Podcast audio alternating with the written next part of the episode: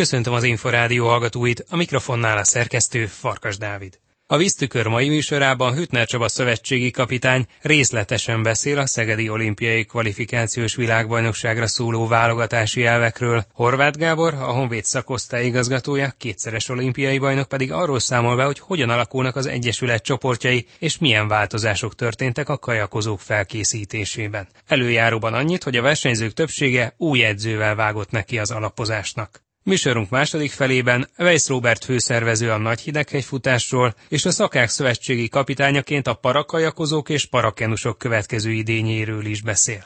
Tartsanak velünk! Víztükör. Az Inforádió kajakkenu és vízisport magazinja.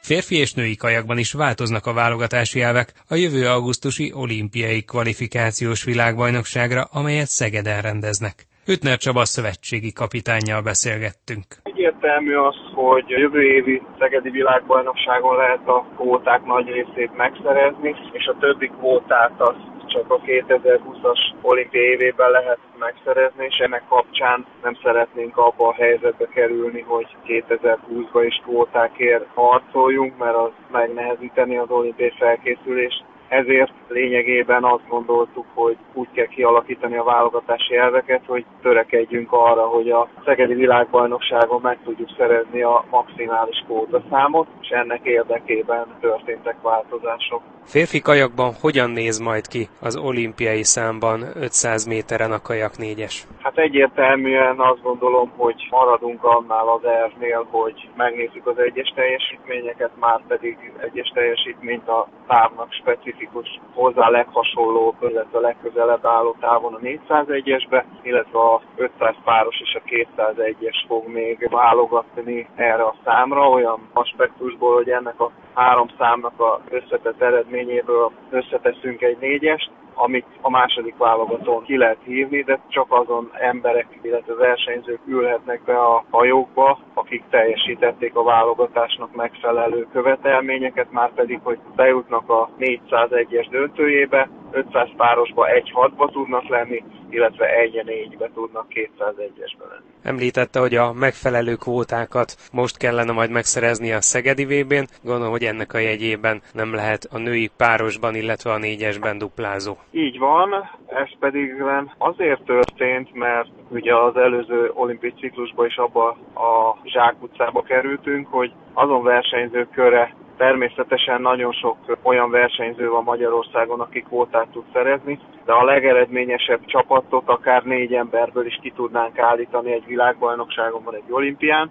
de ha mondjuk az idei évet nézzük, hogy Kozák Dana triplázott, tehát egyesben, ha megszerzi ő a kvótát, és benne ül a négyesben is, akkor a négyes kvótát kapjuk meg, de mivel egyesben is kvótás helyen ér célban a versenyen, így nem fogjuk tudni azt a pótkvalifikáción már indulni ebben a számban, tehát esélyünk sincs se 501-esbe, se 201-esben, ha valaki duplázik, a pótkvalifikációra odaállni, viszont hogyha 500 párost, illetve az 504-est elkülönítjük, akkor meg tudjuk szerezni a Szegedi világbajnokságon már a hat kvótát, és nem kell már a következőben foglalkozni. A nemzetközi versenyeknek, illetve a Szegedi VB-nek is megvan már az ideje jövőre. A hazai válogatókat mikorra időzíti? Eldőlte ez már? Tehát mind a két válogatót az Európa játékok előtt meg lesz tartva. Tehát az Európa játékok előtt egy héttel lesz a második válogató, az első válogató meg május utolsó hétvégén. Tehát akkor a szokottnál hamarabb, mert ugye az Európa játékokat június második felében rendezik majd.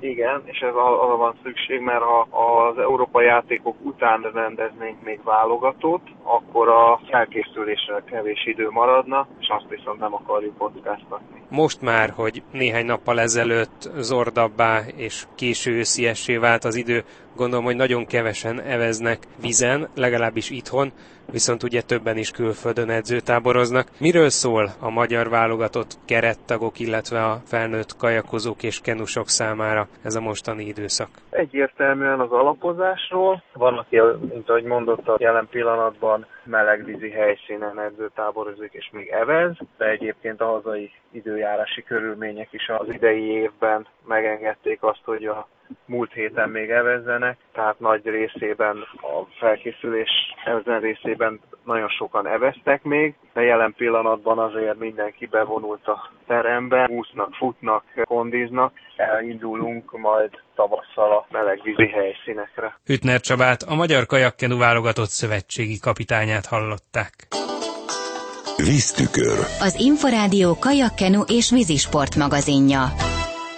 Jelentős változások léptek életbe a sporták történetének egyik legsikeresebb műhelyében, a Honvédnál. A részletekről a kétszeres olimpiai bajnok Horváth Gábort, az Egyesület kajakkenu szakosztályának igazgatóját kérdeztük. Azt gondolom voltak nagyon jó eredmények, kiem, kiemelkedő eredmények, mint a fiúk, mint a lányok területén. Volt visszatérve a Csipes Tamara személyébe, aki ugye ebbe az évbe szűlte meg a kislányát. Én azt gondolom, hogy tőle nagyon komoly teljesítmény volt, hogy ki tudott jutni mind a két nagy eseményre, az eb meg a világbajnokságra. A férfi szakály nem teljesített olyan jó, de ott is ugye volt ki a magas eredmény a Balas Komár személyében. Milyen változások lesznek a következő idényre? Ki kivel készül majd együtt, vagy készül már most? Itt volt átalakulás a szakosztály életében, ugye a Szabó Gabi visszatért a régi edzőjéhez a Tóth Laci személyébe, úgyhogy ők ketten képzelték el a következő években a felkészülést, vagy hát ide fókuszálva kifejezetten a kvalifikációs világbajnokságra.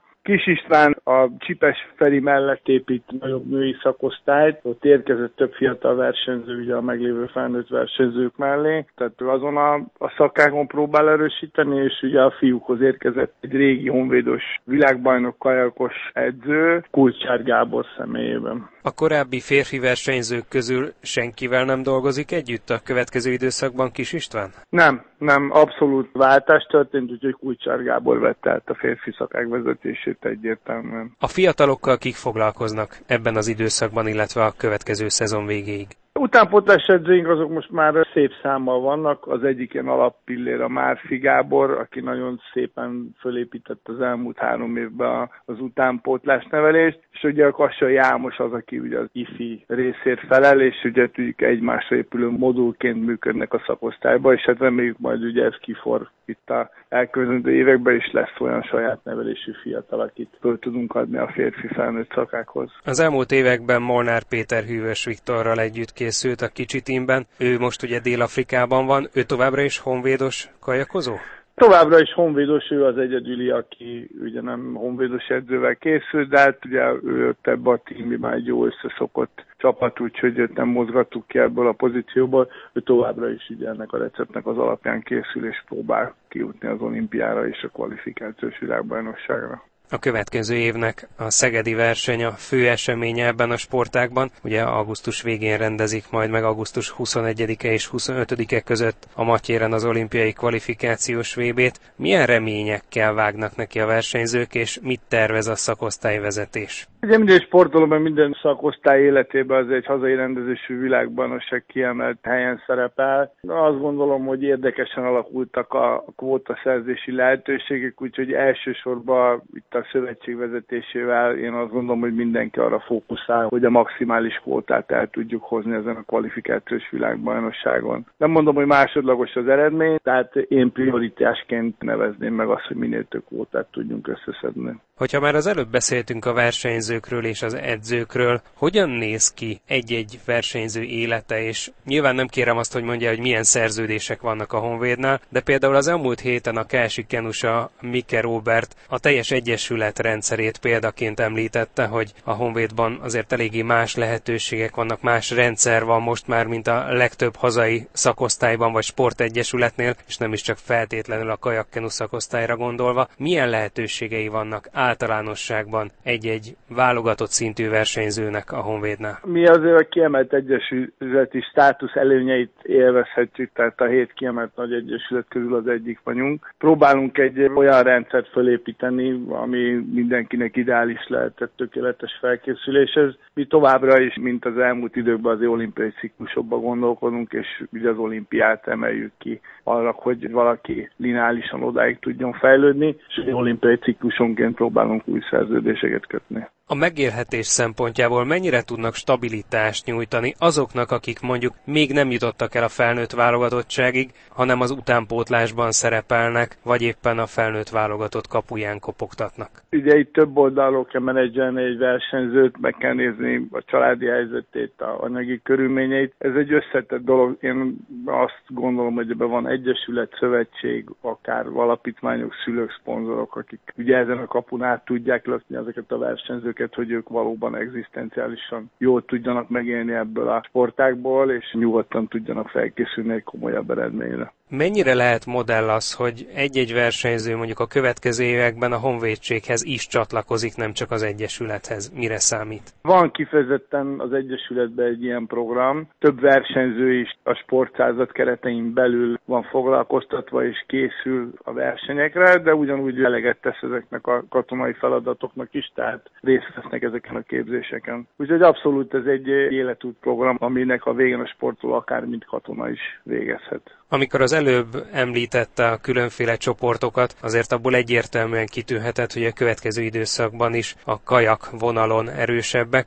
A férfi, illetve a női kenu fejlesztése mennyire szerepel a terveik között? Ugye benne van a szakosztály nevében, hogy kajak kenu, tervezünk újra kenu szakágat is felépíteni. Azt gondolnánk, hogy próbálnánk ezt gyerekekkel elkezdeni, és valóban az alapoktól egy komolyabb szakágat újra felépíteni. Bár most Kövér Marci személyében újra kenus tud tudhattunk az Egyesület berkein belül. Ugye egyébként honvéd nevelésük kenus volt, ő újra visszatért hozzánk készül a jövő évi maratoni világbajnokságra. Neki egy nagyon nehéz éve volt a különféle sérülések miatt, és inkább ugye a szap szakágra összpontosított. Túl van ezeken a sérüléseken, Kövér Márton? Most pozitívan állt az évhez, azt mondja, hogy rendben vannak a sérüléseit, úgyhogy gőzerővel készül, amit én láttam eddig a téli felkészülésekből. Ami a többieket illeti, mindenki elkezdte az alapozó munkát nagyjából egy hónappal, másfél hónappal ezelőtt? Mindenki. Ez egy kötelező követelmény, tehát azt mondom, hogy őszi alapozás nélkül nem lesz jövő évben se eredmény, hogyha valaki ezt a, ezt a lépcsőfokot kiadja. Mennyire nehéz ez az időszak, akár a saját korábbi élményeire alapozva, mennyire nehéz a monotonitást megszokni azt, hogy ilyenkor azért a konditermi munka, akár a futás vagy az úszás dominál, és a vízi edzések, hát különösen most, hogy ugye néhány nappal ezelőtt azért már igencsak lehűlt a levegő, nem nagyon szerepelhet a programban itthon.